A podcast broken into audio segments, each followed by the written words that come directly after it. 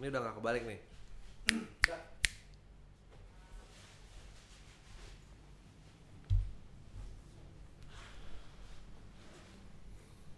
Rolling. Udah. Eh, lu semua lagi dengerin eh, kok suaranya gitu sih? apa sih? Eh, lu semua lagi dengerin podcast awal minggu di samping gua ada silakan diperkenalkan Bapak namanya. Saya Zaki Eh, Zaki ini dari dari teman rakyat, Teman komunitasnya Rakyat. itu Nah. komunitas dan eh, belakangan ini lagi rame unboxing caleg. gue senang banget sebetulnya ketemu lo karena eh gue tuh males ngomongin pilihan untuk eksekutif karena apalagi RI 1 gitu ya kayaknya perdebatannya nggak akan ada habis-habisnya. Eh gue waktu itu pernah ngobrol dulu gitu di Di podcast gue. tuh Jokowi doang gitu. Iya, maksudnya eksekutif ya gue Iya kalau sekarang yang mau kita hadapin kan RI 1 kan Nggak, pemilihan nomor RI 1. tuh sekarang jadi sensitif juga. Oh iya tuh kan makanya itu, aja itu aja istilah gitu aja udah. jadi satu mengindikasikan satu Hmm. gitu ya aduh A, B. susah ya ha, ha. pemilihan menunjukkan jari aja Ah, menjadi masalah. diskusi yang tidak habis-habis ya Ya. Ah, ya emang cuma segitu aja kita gue gue pernah nyinggung ini gitu bahwa yang paling kurang itu adalah pengetahuan tentang eh, legislatif karena eksekutif itu kan yang mengeksekut legislatif yang melegislate yang memberikan urutan yudi- Ya. yudikatif adalah eh, dia yang menegakkan uh, aturan juga. ya, penengahannya gitu kan. Uh, nah kita bahas karena kan undang-undang tuh udah banyak banget dan makin absurd, makin absurd dan uh, gua rasa kita emang harus mulai dari sini gitu ya. Mhm, mhm. Uh, biasanya kan kalau di DKI itu kan DPR, D D- eh, DPRD sama DPR RI doang. DPR RI Iya, doang kan, nggak betul DPRD, DPR. DPR, DPRD. Iya. Kalau lo di kota satelit, DPRD ada DPRD. Selain di Jakarta kan daerah khusus, jadi Betul. cuma sampai DPRD provinsi. Kalau yang di luarnya sampai DPRD kota dan Kota, kabupaten. gitu. kabupaten, Ah. ya. Intinya kan cuma pembagian kekuasaan. Betul. Jangan sampai ada satu pihak yang Hmm. me- apa, menguasai semua kekuasaan gitu kan. Harus dibagi-bagi biar biar si satu ini menguasai yang lain. gitu. Eh. Nah ini tuh eh, gampang nggak ngumpulinnya? Ngumpulin apanya? Ngumpulin ya program-program para calon legislatif ini. nah itu. Maksudnya eh, sekarang kan Itu menariknya. Publik kan cuma tahu kayak muka dan nomornya doang. Hmm, hmm, hmm. Pojok kanan bawah, apalah tahu yang diomongin. Nah. Jadi kan waktu itu kita emang eh, how concern gitu. Eh, anak muda yang katanya apolitis dan memang iya gitu. Iya, iya. yang yang gua temuin juga emang mereka tuh apolitis gitu ya. Tapi apolitis ini banyak banyak penyebabnya. Ada yang emang eh, nggak nggak ngerti gitu. Ya, Kenapa harus ada DPR? Kalau udah ada DPR, kenapa ada DPRD gitu? ya. Wah, buset ya sampai sebasic itu mereka Ya. nggak pahamnya. Dia maunya kerajaan aja, pilih raja, abis itu beres semua gitu kan. Makanya kan eh, di antara eh, eksekutif, eh, legislatif dan yudikatif yang paling yang paling terkenal tuh selalu yang eksekutifnya gitu. Iya, Yang kena sorotan tuh selalu di eksekutifnya Iya. dan dan itu kayak terus kita ngapain ada DPR ya? ya. Banyak kan yang udahlah DPR bubarin. ya Iya dikira sih. semua uh, Secara emosional aja gue yang paham gitu yang kebetulan udah paham Iya sih kesel gitu pengen bubarin DPR tapi kan nggak mungkin gitu Betul. secara sistem demokrasi kita kan udah bagus tuh eh, saling check and balance and balance-nya itu. ya Nah, ada banyak yang nggak eh, ada banyak yang apolitis karena emang nggak tahu gitu. Apalagi dihadapkan gue harus milih siapa gitu. ya. Nah, kita datang ya udah kalau gitu kita coba eh, kasih review aja. Ya. Kasih review eh, kita kasih kita ajak sebenarnya. Bukan bukan ngasih eh, lu harus milih si ini tapi ngajak aktif gitu. Ya. Menurut gua nih ya si caleg A ini eh, bagus si Ya. caleg B jelek gitu Ya. nanti kan ada ada reaksi ya dari dari dari Ya. penilaian kita itu itu mau setuju mau ngebantah mau nambahin itu goals kita sebenarnya Ya. lu udah berpartisipasi aktif gitu nah ketika ya udah kita eh, kemasannya biar lebih terbayang sama anak muda kita kes- kemasannya kemasan unboxing biar langsung ke, ke Ya. kebayang aja sama anak muda oh unbox caleg itu bisa Ya. seperti kita mengunboxing gue beli sepatu beli gadget gitu kan. Nah eh, menariknya pas gue ah ini pasti gampang nih. Kita udah berapa tahun sih eh, internet ada gitu kan? Ya. nggak susah kan bik- eh, si caleg itu bikin eh, apa namanya? Bikin Program, website ya. bikin sosmed udah Ya. pada jago kan. Di bayangan gua tuh ini pasti gampang lah paling berserakan aja tinggal kita Kumpulin. kumpulin gitu bikin eh, tulisan gitu. ternyata gitu susah juga gitu Susah lah. mereka tuh kenapa ya gitu loh Emang sengaja disusahin kalau saya sih. Nggak, tapi eh iya, gue juga tahu sempet sih. juga sih gua mikir gitu apa iya ya apa Ya partai menurut gue kalau karena kan kalau Ya. misalnya ya orang-orang bingung nih harus milih siapa akhirnya kan yang yang paling keinget tuh oh gue milih partainya ya biar nyoblos partainya aja gitu Ya. Mungkin ya nggak tahu kenapa pembodohan ini berlarut-larut gitu sampai tahun 2019 gitu kita mulai legislatif tuh langsung orang pemilihan 2009 kalau nggak salah 2000 SBY kedua. iya Oke. iya. 2004 tuh pilpres langsung tapi legislatifnya Legislatif kalau nggak belum. salah ya Eh, kalau nggak salah ya. iya Abis itu 2009. hmm. Jadi baru ini yang ketiga sebetulnya. Eh, Bet- 2009 2014 ya ketiga ya ini yang ketiga Ya, kan? ya. Ini yang akan ketiga. Eh sebetulnya gue tuh penasaran kan karena banyak banget kan eh, ada yang anaknya siapa, yang Hmm. mantan mantan napi, Hmm. eh, yang sudah terdakwa. eh Susah gitu. Gue tuh mau ngeledekin berapa caleg juga. Ntar pasti UU ITE digunakan sebagai bukti untuk pencemaran nama baik gitu. Ya pokoknya apa pun kasusnya UU ITE lah solusinya gitu. Gue kesal banget gitu dan yang kayak gini-gini tuh akan ada terus ya kalau emang anggota legislatifnya ya itu tuh lagi yang begitu-begitu lagi gitu. gayanya itu ya termasuk kita loh termasuk kita sempat diancam eh, diancam somasi dengan ancaman itu UU Iya. ITE karena katanya ini sudah Penodaan. menggiring opini dan pasalnya nanti kena UU ITE ya udah silakan gitu Iya aneh banget gitu. Jadi orang mau membuka, mau mengedukasi orang tuh gimana caranya gitu. iya nah itu kan kita tuh udah udah jangan se- sebenarnya nggak anak muda juga sih Se- Iya. banyak juga s- semua gitu kan udah males politik gitu Iya. nah kita tuh udah mencoba yuk Eh, jangan nggak peduli gitu Iya. eh baru mau peduli nih udah ada yang Tekanannya gitu. pasti itu ya. dan itu datang dari caleg yang ironisnya yang masih muda lagi caleg muda eh.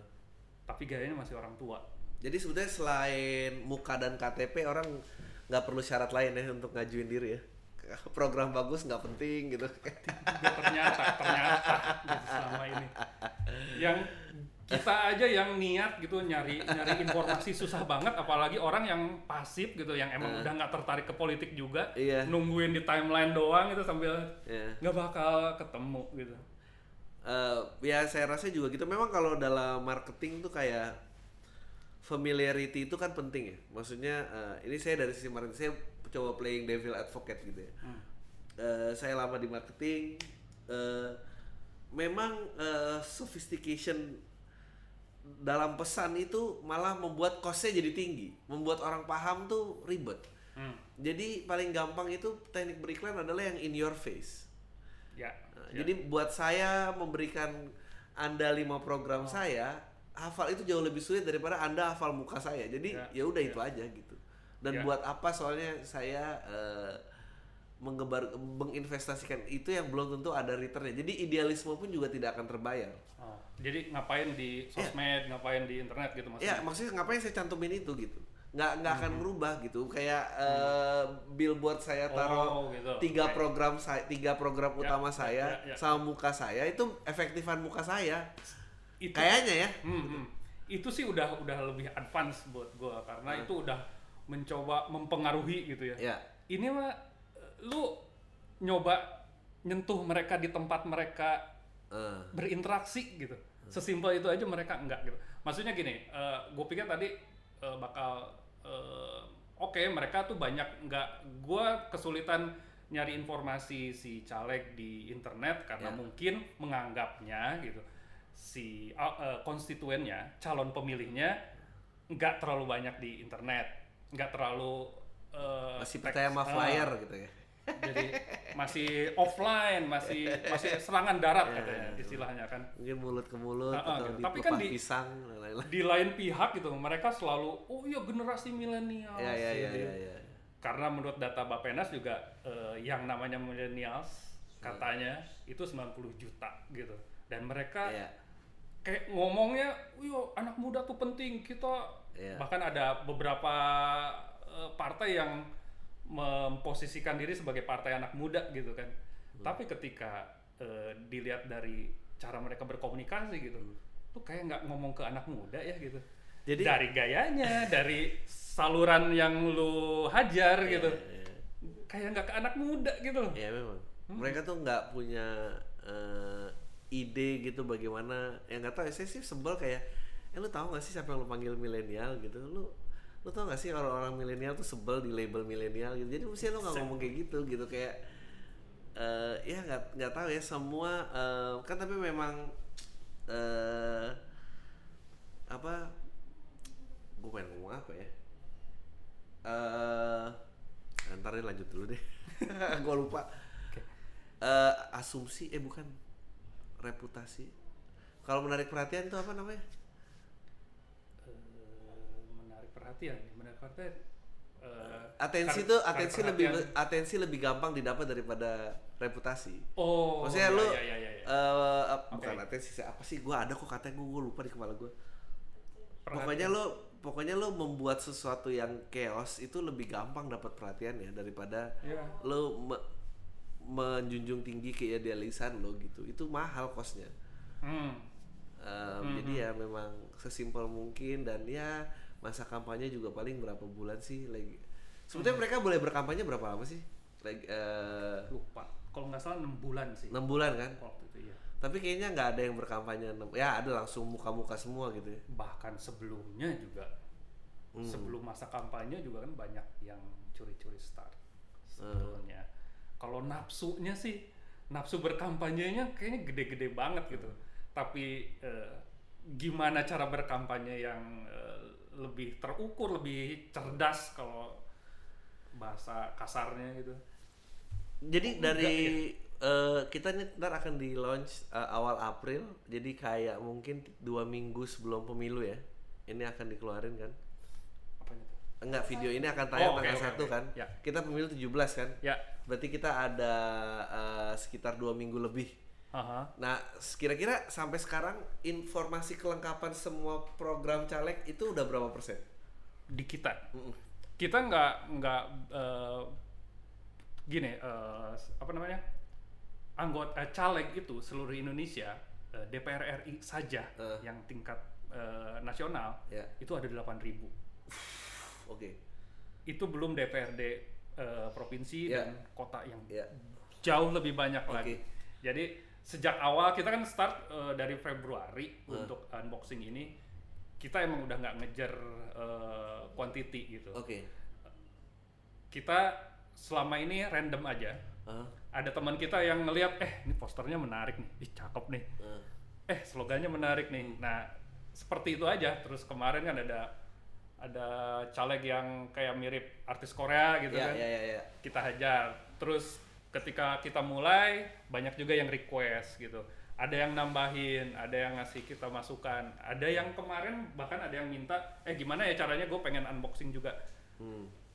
Nah, jadi emang sejak awal tuh emang yang kita yang kita bangun itu kan civil society-nya gitu. Ya. Orang berpartisipasi kan enaknya demokrasi itu sebenarnya rakyat tuh dianggap gitu. Ya. Dulu kan zaman kerajaan gitu, ya ada. lu Heeh. nothing gitu. Pokoknya gua ngomong itu hukum gitu. Nah, Raja ngomong ya itulah hukum Hmm. gitu. Nah, dengan enaknya di demokrasi semua rakyat tuh dianggap, dianggap ada gitu. Dan lu emang berpartisipasi itu nggak wajib memang gitu. Betul. Lu kalau misalnya nggak peduli politik juga nggak ada konsekuensi hukum yang eh, lu nanti didatengin polisi lah terus diadili itu nggak ada gitu. Cuma kayak lu lu beli Nintendo Switch gitu ya. Hmm. Kan enaknya yang Nintendo Switch tuh portability-nya gitu dan Ya. flexibility-nya gitu. ya, lu nggak ada yang ngelarang main Nintendo Switch di rumah doang gitu Hmm, nggak dibawa sa- keluar sama temen gitu tapi kan sayang gitu Iya. nah itu juga di demokrasi gitu kalau lu nggak peduli sama politik gitu ya, lu pasif gitu ya lu mendingan zaman kerajaan aja dulu gitu Iya benar benar. benar. Nggak, gue tahu akhirnya kalimat yang gue incer. Sensasi itu lebih gampang Oh, dicari oke. daripada reputasi. Itu dia. Anjing udah ke mana-mana. Jadi kalau misalnya eh anak-anak muda aja gitu, anak-anak muda Hmm. mengunjungi websitenya, namanya adalah teman rakyat. temanrakyat.id .id yang bisa ditemukan itu apa aja? langsung eh, kita kan sekarang lagi emang lagi menggarap si unboxing ini jadi Hmm. eh, secara mudahnya lu pasti eh, langsung bisa ngeklik si unboxingnya tapi Ya. sebetulnya yang lainnya juga ada Ya, seperti kita kan komunitasnya ada beberapa yang eh, yang seneng nulis gitu kan nah sebelum unboxing ini banyak yang nulis sesuatu yang lain juga gitu ya, Hmm. tentang politik gitu kita emang ngebahas ke politik sih karena emang pengen ayo lu peduli gitu Hmm, dulu tuh ada salahnya koruptor gitu. Iya. Kita kan mereka tuh nganggap kalau urusannya korupsi tuh kayak Hmm. ah itu sih cuma merusak anggaran pendapatan belanja negara saja Iya. gitu. Itu urusan orang tua gitu, nggak ngaruh ke kantong gua gitu. Padahal itu deket sekali gitu. Hmm. Iya. Kalau jalan yang sering lu lewatin itu nggak pernah diperbaiki gitu, Iya. lama banget gitu. Terus akhirnya ban lu kan malah jadi Iya. sering eh, aus shock breaker lu jadi Iya. lebih cepat rusak gitu. Nah, itu kan ngaruh ke kantong lu. iya. Padahal ada ada bagian dari sistem di pemerintahan kita yang kerjanya berarti nggak bener dan itu Iya. ngaruh ke kantong lu.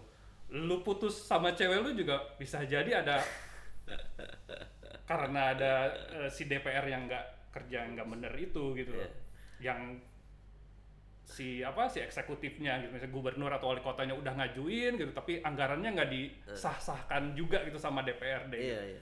akhirnya ya lu keburu putus yang kayak gitu-gitu gitu loh orang eh, anak muda tuh kayak ah itu jauh, gitu Jauh, jauh. padahal itu sedekat sedekat kantong celana lu gitu gue gue sih setuju dan lagi pula ngapain eh, memberikan semua orang yang sudah istilahnya jatuh dengan status kriminal Hmm. kekuasaannya lagi emang ki- kita tuh gue bahkan waktu itu dibahas kan di debat capres gitu Hmm. Eh, kenapa partai pengusung caleg ini eh, eh, pengusung eh, pil eh, pre- eh, presiden ini partainya mencalonkan eh, caleg yang punya track record yang nggak baik bla bla. Ya tapi ini demokrasi. Kalau dia eh kalau itu nggak bagus ngapain orang orang orang pilih? Kalau dia kepilih sama gitu. orang itu kan kayak aja itu ngeri banget gitu statement yang itu yang yang kita juga susah gitu paham kenapa sih eh, partai itu mungkin dia argumennya gini enggak pak. Semua orang tuh berhak atas kesempatan kedua. Mungkin itu kali dalilnya.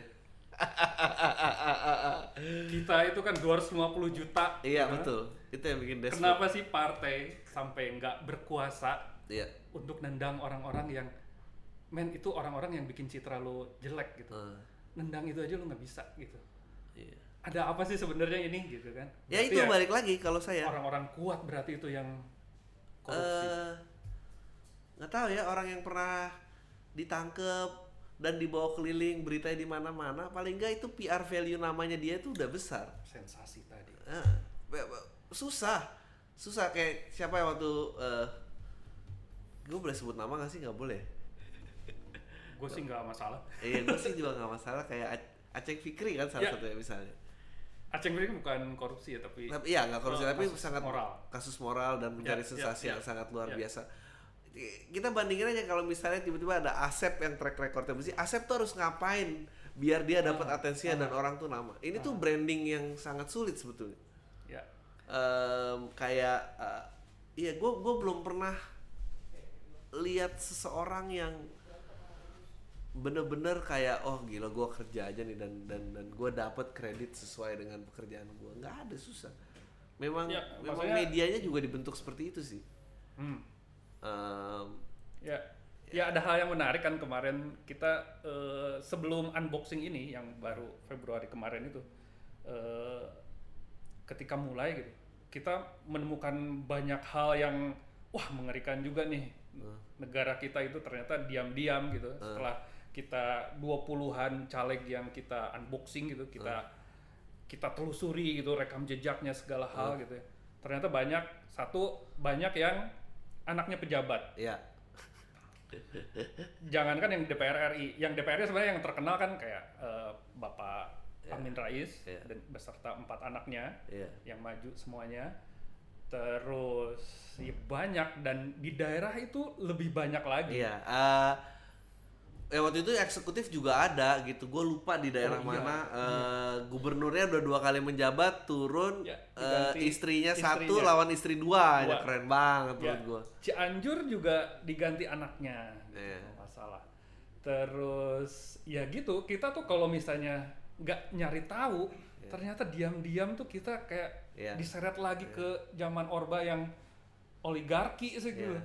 Amit-amit sebenarnya sih Atau gitu. mungkin mereka keluarga-keluarga yang nggak mendukung anaknya untuk kejar passion. Jadi dia pengen ngelukis nggak dikasih sama bapaknya. Nggak ada.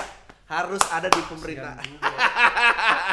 Gua harus kasihan apa ngerasa beruntung ya mungkin gitu itu ya. yang masuk akal pembicaraan yang lain dia ada raport bagus juga bapaknya nggak Iya, peduli iya, kalau iya. kamu nggak dapat kursi saya sih nggak sayang Iya. sama kamu Dan ya ini tapi nama-namanya harus diblip ya kayaknya eh, satu itu kan Iya. eh, pelan-pelan kita jadi nah, negara olig apa eh, dikuasai sama orang-orang tertentu saja oligarki gitu. Iya. Kedua juga itu yang yang track recordnya buruk ternyata tanpa publikasi media ya dia mencalonkan lagi Aceng Fikri misalnya.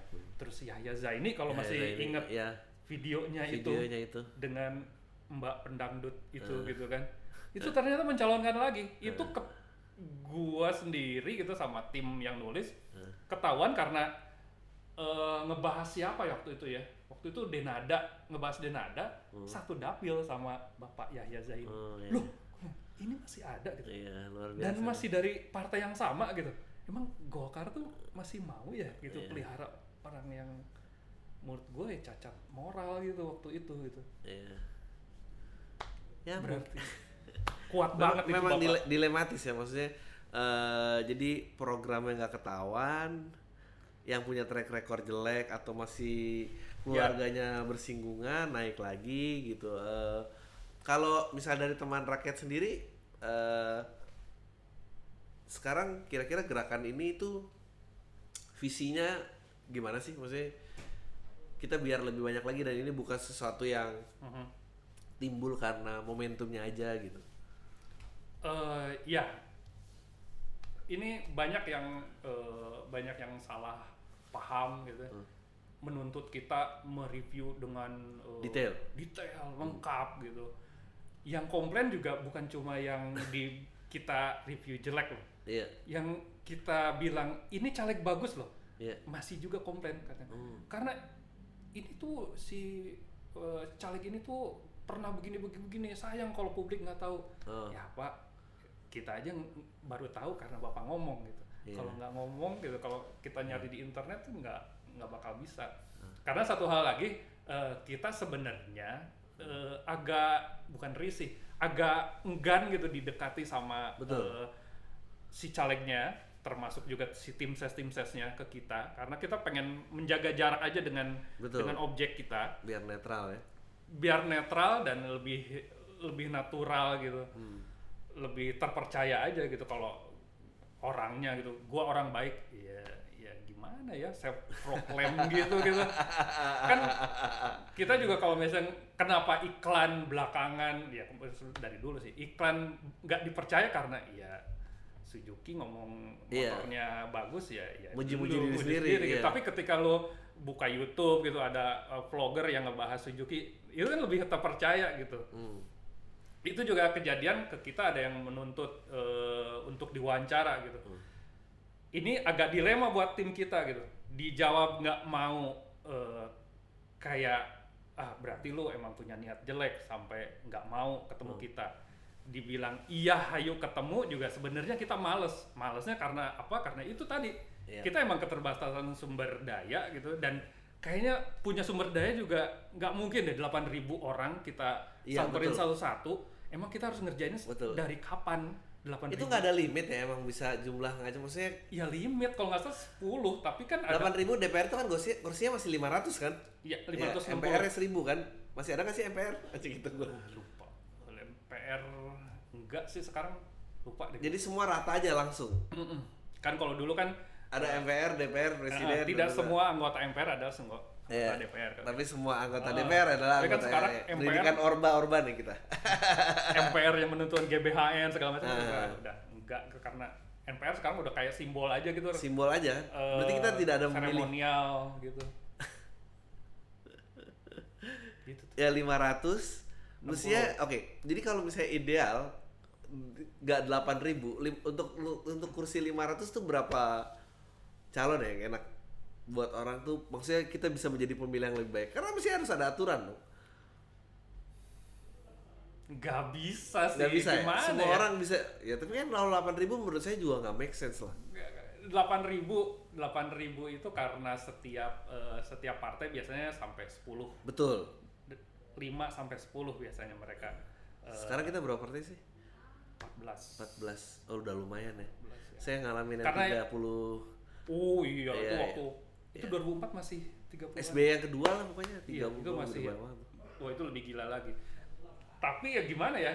Kan gue juga sebenarnya pengen kayak orang Amerika gitu yang cuma dua partai gitu ya. Hmm. Yang lu kalau misalnya cenderung eh, konservatif gitu ya, kalau lu lebih religius biasanya lu ke Ya. Republik gitu. Kalau lu progresif, Lu ke liberal, liberal, iya. biasanya itu ke Demokrat gitu. Demokrat. Sesimpel itu gitu. Nah, Gua nggak tahu calon gua juga itu dengan enak gue pilih ya ini gitu. Nah di kita kan susah partai ideologis tuh hampir nggak ada sebenarnya. nggak ada partai ideologis kita Nah, gimana partai ceritanya? lambang aja Iya. Kan sebenarnya emang emang memilih partai itu itu memudahkan kalau Iya. lu uh, pusing dengan uh, caleg siapa, ya lu bisa pilih partainya. Tapi gitu di di Ya, Indonesia gitu pal- enggak paling- juga gitu. paling nggak partainya mewakili ideologi gitu kan iya. kalau sekarang kan enggak nggak juga gitu. Gerindra sama PKS sama Iya betul eh, PAN gitu, Iya. yang religius gitu ya, religius nasional. selain ya religius nasional ya itu ketahuan tapi Iya. sisanya kayak PDI di lain pihak gitu, Ah. yang kubu yang katanya lebih nasionalis gitu, Ah. tapi milih cawapresnya Iya. seperti itu gitu. Jadi kalau kalau gua religius tuh gua harus pilih mana sih gitu? Ah. Kan bingung sebenarnya di kita tuh nggak ada nggak ada partai ideologis gitu. ya Membingungkan sih emang. Tapi memang gitu sih kayak itu tuh juga dibahas dalam marketing. Sebetulnya eh, teknik marketing paling gampang itu adalah eh, sesuatu yang berbau mendasar seperti nasionalistik atau value gitu. Dia kalau dia bisa kejar sampai ke behavior itu eh, stages yang lain. Dan itu memang harus dilakukan komunikasi yang lebih advance lagi. Dan tapi ya susah lah pakai advance advance Makanya tadi bener tuh pertanyaannya. Ini eh, si calegnya eh, kita susah cari info si calegnya gitu. Hmm. Itu karena mereka tidak bisa berkomunikasi atau emang sengaja gitu. Eh kalau gua ngelihatnya kalau nyimpulin sengaja kan susah ya butuh bukti ntar Enggak pilihannya antara mereka bodoh atau pinter gitu loh dengan dengan situasi ini. Kayak ya Zaini tuh pasti berharap dia nggak terlalu nggak terlalu terkena publikasi secara nasional. betul Gue cuma butuh eh, terkenal di dapil gue aja gitu loh. betul yang ternyata eh, dapil gue sih fine fine aja dengan track record gue yang udah begitu gitu Aceng Fikri juga masih termasuk orang yang eh, elektabilitasnya tinggi gitu toh orang-orang Garut ternyata masih fine fine aja. Tapi kalau itu dibawa ke nasional bisa jadi itu masalah. Itu sama milih milih milih ustadz yang mantan preman apa ustadz biasa aja. Pasti laku yang mantan preman. Emang gitu. Sensasi itu gede banget magnetnya. Jadi eh, nggak tahu ya. Kalau lo mau nonton sih ya kita ngobrol ya kalau misalnya mau nonton lu nonton namanya eh, di Netflix itu namanya Get Me Roger Stone. Hmm, itu PR guru yang membuat Trump itu juara. hmm. PR guru yang meredam kasus Bill Clinton saat dia eh, skandal Ya. sampai balik-balik ke Richard Nixon Pak. Pokoknya dia berapa presiden Amerika tuh dia yang semua handle. Dan dia bilang bahwa bad publicity is better than no publicity gitu. Ya, ya, Eh, gi- gimana ya gitu. Jadi em, siapa? Maksudnya kita makanya kita harus menghargai orang-orang yang kayak ya mungkin eksekutif yang mulai eksekutif mulai dapat panggungnya gitu. Gubernur-gubernur dan wali kota di daerah yang berprestasi itu kita mulai appreciate gitu. Eh, nah tapi legislatif tuh apresiasinya harus gimana? Nggak bisa gitu. Jadi kalau emang positifnya dia nggak bisa hajar ya dia akan Iya, ke tempat yang lain. Terus ya mungkin terus emang korupsi tuh di eh oke. Udah 30 menit ya oh cepet juga ya?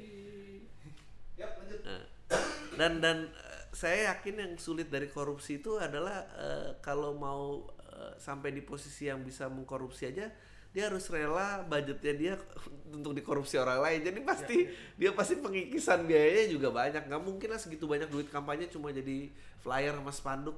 Ya, pasti kan? Ya itu juga gitu. Itu yang entah kita terlalu lebay atau enggak gitu.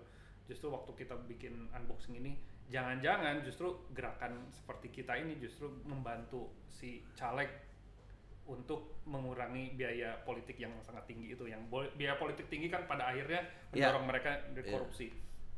Bayangin kalau misalnya rakyatnya eh, mencari tahunya aktif gitu ya ya yang sekarang itu internet itu udah cara yang paling murah Iya. dan di eh, sisi lain si calegnya juga Eh, menggunakan sosial media dan Iya. eh, website itu dengan maksimal gitu Hmm. I- itu bukankah cara berkomunikasi sistem sistem komunikasi yang sangat murah gitu Murah sebetulnya, itu mungkin bisa jadi solusi untuk eh, menekan biaya politik yang sangat tinggi itu gitu Iya.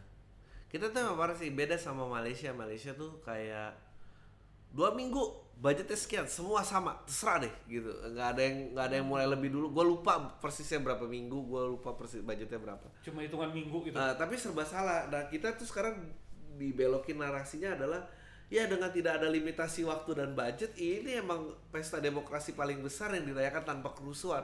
Padahal indikatornya itu bukan karena kerusuhan, itu duit dari mana, muter dari Ya, mana, ya, lu ya, ya. eh, komunikasi ke mana aja, kok sekian banyak orang nggak bisa cari, bla bla bla. Memang eh tapi ya gitu sih, gue sih percaya ya dengan kemudahan karena itu orang-orang yang duduk di DPR gitu bikin-bikin peraturan terus nggak ngerti maksudnya kena kita tuh sebetulnya salah kita tuh nggak boleh kaget kalau mereka bikin aturan aneh ya karena emang isinya Iya, aneh semua Iya. Makanya bahkan kan untuk menghasilkan pemimpin, untuk menghasilkan wakil rakyat berkualitas kan butuh masyarakat yang Ya. cerdas juga Ya. gitu. Emang kita bah- the- the kita bahkan nggak nyampe ke situ. Hmm. Kita dan bahkan dihalangi juga iya gitu Hmm. loh. Ya ya contohnya kita ini gitu yang eh, yang udah niat, yuk kita cari tahu. ya Ya ternyata susah juga gitu. Ya apalagi mereka-mereka yang pasif gitu ya. Tapi mereka datang ke TPS gitu yang iya ya cuma dengar eh, di grup keluarganya yang heboh itu gitu. Akhirnya coblos itu aja gitu. Ya, gimana mau berkualitas eh, pejabat-pejabat kita yang hasil pemilu ini gitu? Saya saya penasaran ya, mas. Menurut mas profil orang pemilih yang aktif tuh kayak apa sih tingkat knowledge-nya? Kayak dia Oh. datang ke TPS hmm. Eh, dia milih eksekutif. Udah dia kelar kelar nih. Habis itu dia ke legislatif. Orang tuh apa sih yang dipilih kalau saya sih jujur saya juga nggak tahu sih. Kayak saya berusaha inget-inget dulu apa ya? Dulu saya eh, sebelum balik lagi ke DKI saya selama pemilihan langsung tuh kan di Tangsel. Mhm. dua beda lagi waktu Tangsel bagian dari Jawa Barat waktu Tangsel udah sendiri. Eh ya. Tangsel bagian dari Banten kalau nggak salah. Apa gimana gitu? Lupa deh pokoknya beda deh zaman. Ya ya ya. Ada pemekaran. Eh, ada eh, terus dikecilin lagi. It, Ya. Saya sih nggak kenal ya sama siapa pun Eh, ya kalau kalau gue sendiri sih kan eh, ya kalau gue sih udah udah ngerasa gue tuh orang yang begini gitu ya gue ngerasa dari pemilu kapan ya emang nggak dari pemilu yang dulu-dulu sih tapi gue ngerasa nggak gue pikir gue tuh nasionalis Ya. Eh, jadi se sebagus apa pun caleg eh, kalian gitu ya Hmm. kalau misalnya itu datang dari partai yang religius buat gue nggak mau kalau gue nggak mau Oke. itu itu itu kalau Personal. orang yang udah punya prinsip tuh Ya. biasanya udah ada arahannya gitu loh nah, gue sorry gue jelasin dulu kenapa gue nggak mau dari partai religius nah, karena buat gue demokrasi itu harus dengan eh, kepala ya, Ya. lebih menggunakan otak daripada yang hal-hal yang Jadi emosional. persamaan-persamaan eh, religi, persamaan-persamaan suku itu out ya. menurut Mestinya gua, out, ya, betul. demokrasi akan akan menghasilkan yang terbaik ketika kita mampu berpikir rasional Hmm. tanpa sara itu nah kalau misalnya eh, masih pakai eh, kita partai religius kita partai yang dukung saya ulama anaknya siapa gitu kan. bersama ulama apalagi dengan kesukuan itu gitu ya gimana ya buat Iya. gue gue sih eh misalnya gue lebih lebih lebih lebih cenderung ke kalau di agama gue bukannya benci agama kan Betul, gue nggak milih partai agama bukannya gue benci agama Iya. enggak gitu tapi kalau dalam masalah politik gitu gue pikir kita harus nggak menam nggak mempertimbangkan itu gitu eh maksud gue apa ya gue gue pernah bikin joke waktu Hmm. dulu.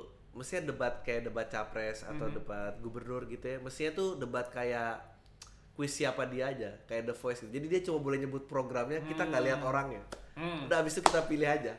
Udah, Hmm. kita nggak usah lihat gitu. Karena eh, ya itu yang bikin bias kan. Kalau emang mau logical ya dia cuma boleh baca ininya aja, nggak usah ada orangnya aja gitu. Eh, nah untuk ke situ ya itu Susah, Susah, nggak bisa lah. Orang pasti harus ketahuan kan katanya siapa. kita sekarang zamannya post truth Iya. Eh, lu kebenaran itu buat gua sudah lu pilih ketika lu Betul. memilih kubu kalau gua orang Jokowi Ya. apa pun yang diomongin Jokowi benar dan apa pun yang Ya. dikatakan Prabowo salah dan begitu juga sebaliknya jadi nggak penting debat nggak penting.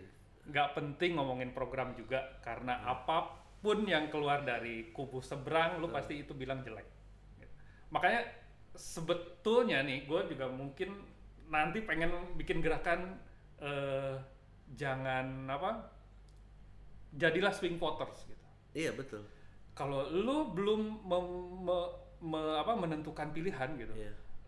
kan orang tuh kalau misalnya udah menentukan gua jagoannya ini Iya. itu kadang-kadang bukannya gua nggak mau mengakui lu bener Iya. tapi gengsi oh berarti gua kemarin salah Betul. nah mengakui gua kemarin salah itu berat banget gitu Iya.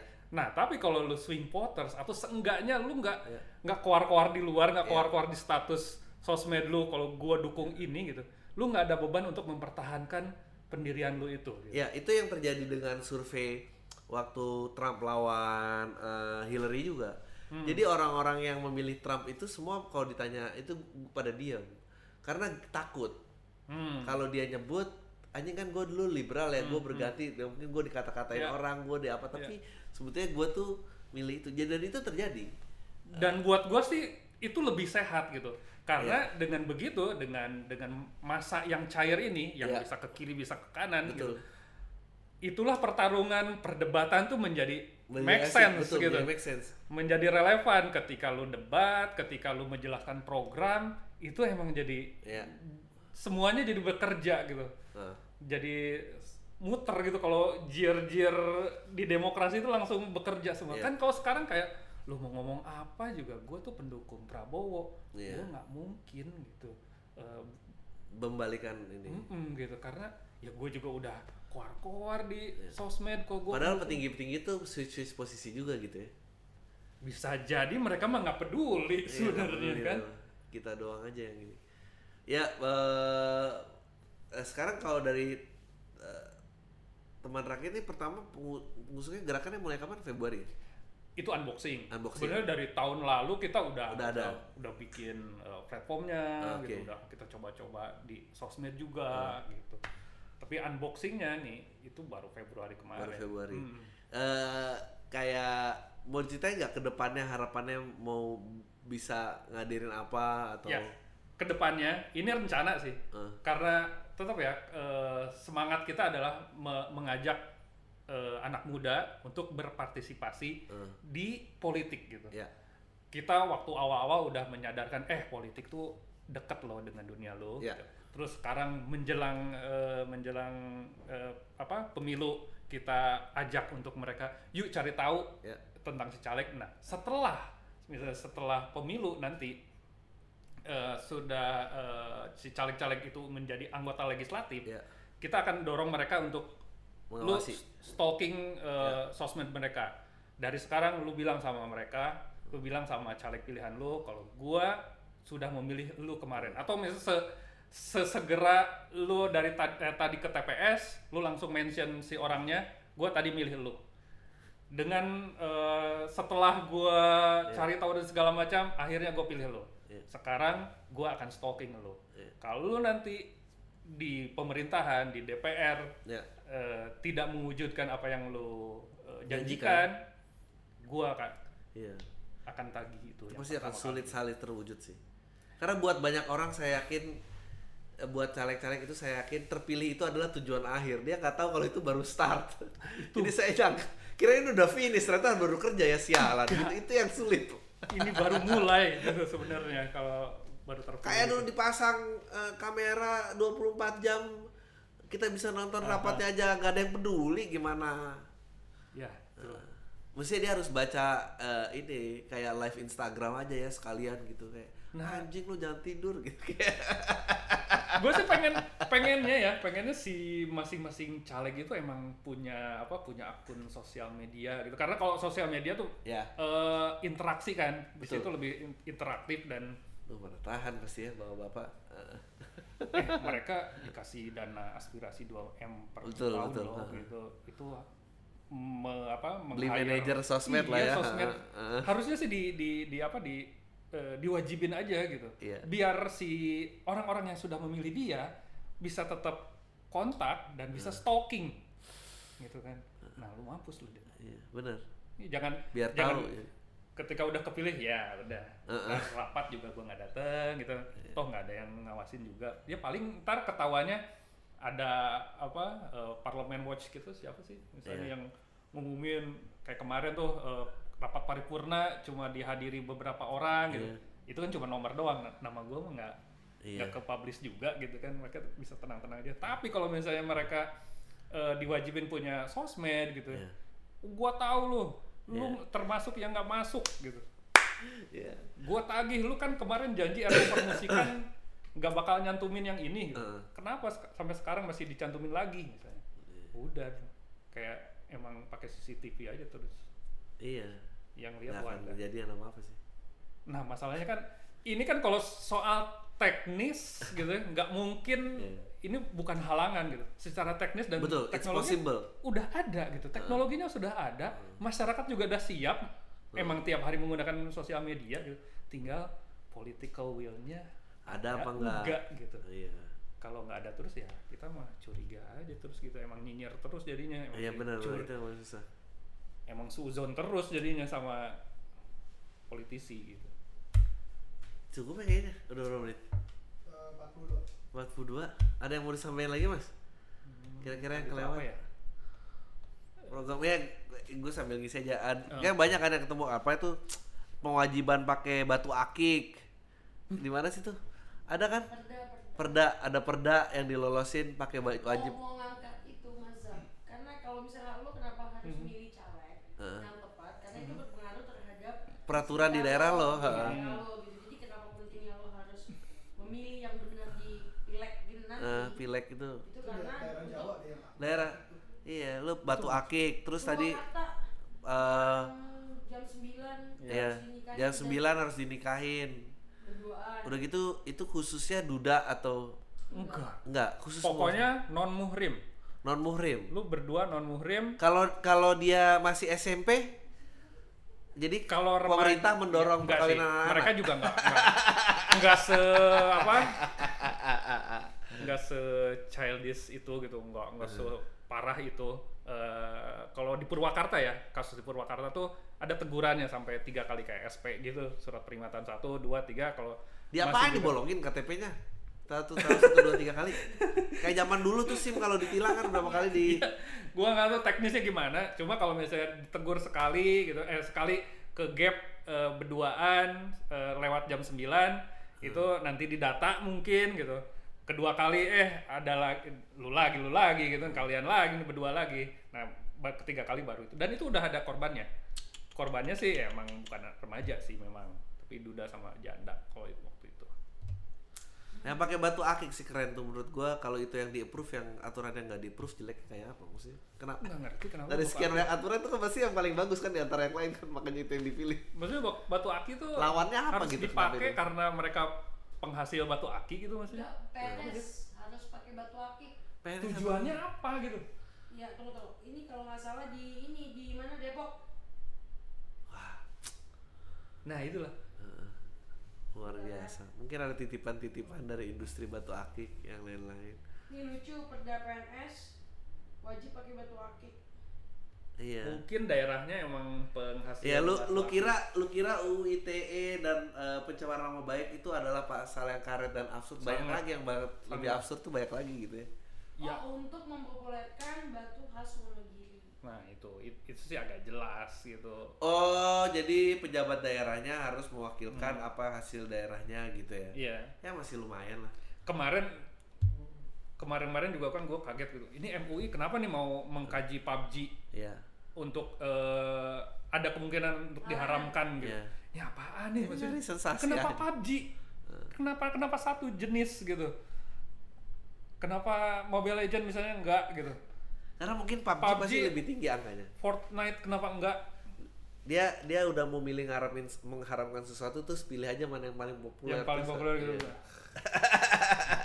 Mobile Legends masih lebih besar harusnya ya, enggak sih? itu Mesti. ternyata ternyata karena eh, terpicu sama kejadian penembakan kemarin di New Zealand katanya. Ya jadi ampun. MUI khawatir eh, itu itu akan menginspirasi menginspirasi orang-orang orang untuk ya ampun. CS tuh udah dari kapan Iya, yang bikin yang bikin orang emosi tuh internet lambat pak, gitu. makanya inilah si Eh. si pejabat-pejabat itu ya, termasuk M- MUI itu sebenarnya bukan pejabat MUI itu bukan pejabat, dia MUI itu ormas sebenarnya ormas. nggak nggak ada bedanya sama FPI Ormas, betul.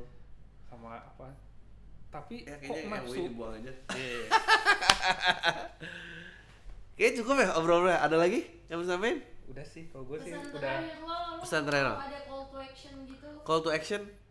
Kayak misalnya buat kamu yang buat di kayak Oh, ya, ya, ya, ya. di pertama atau Iya. apa? Ya kayak ini berdasarkan eh, berdasarkan respon-respon yang kita terima sih eh, banyak yang minta kita unboxing.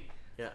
Itu bukannya kita ngelarang, Hmm. tapi justru sebenarnya eh, itu kita nggak ke sana. Maksudnya kalau lu minta kita unboxing, ya lu pasif-pasif juga dong jatuhnya gitu.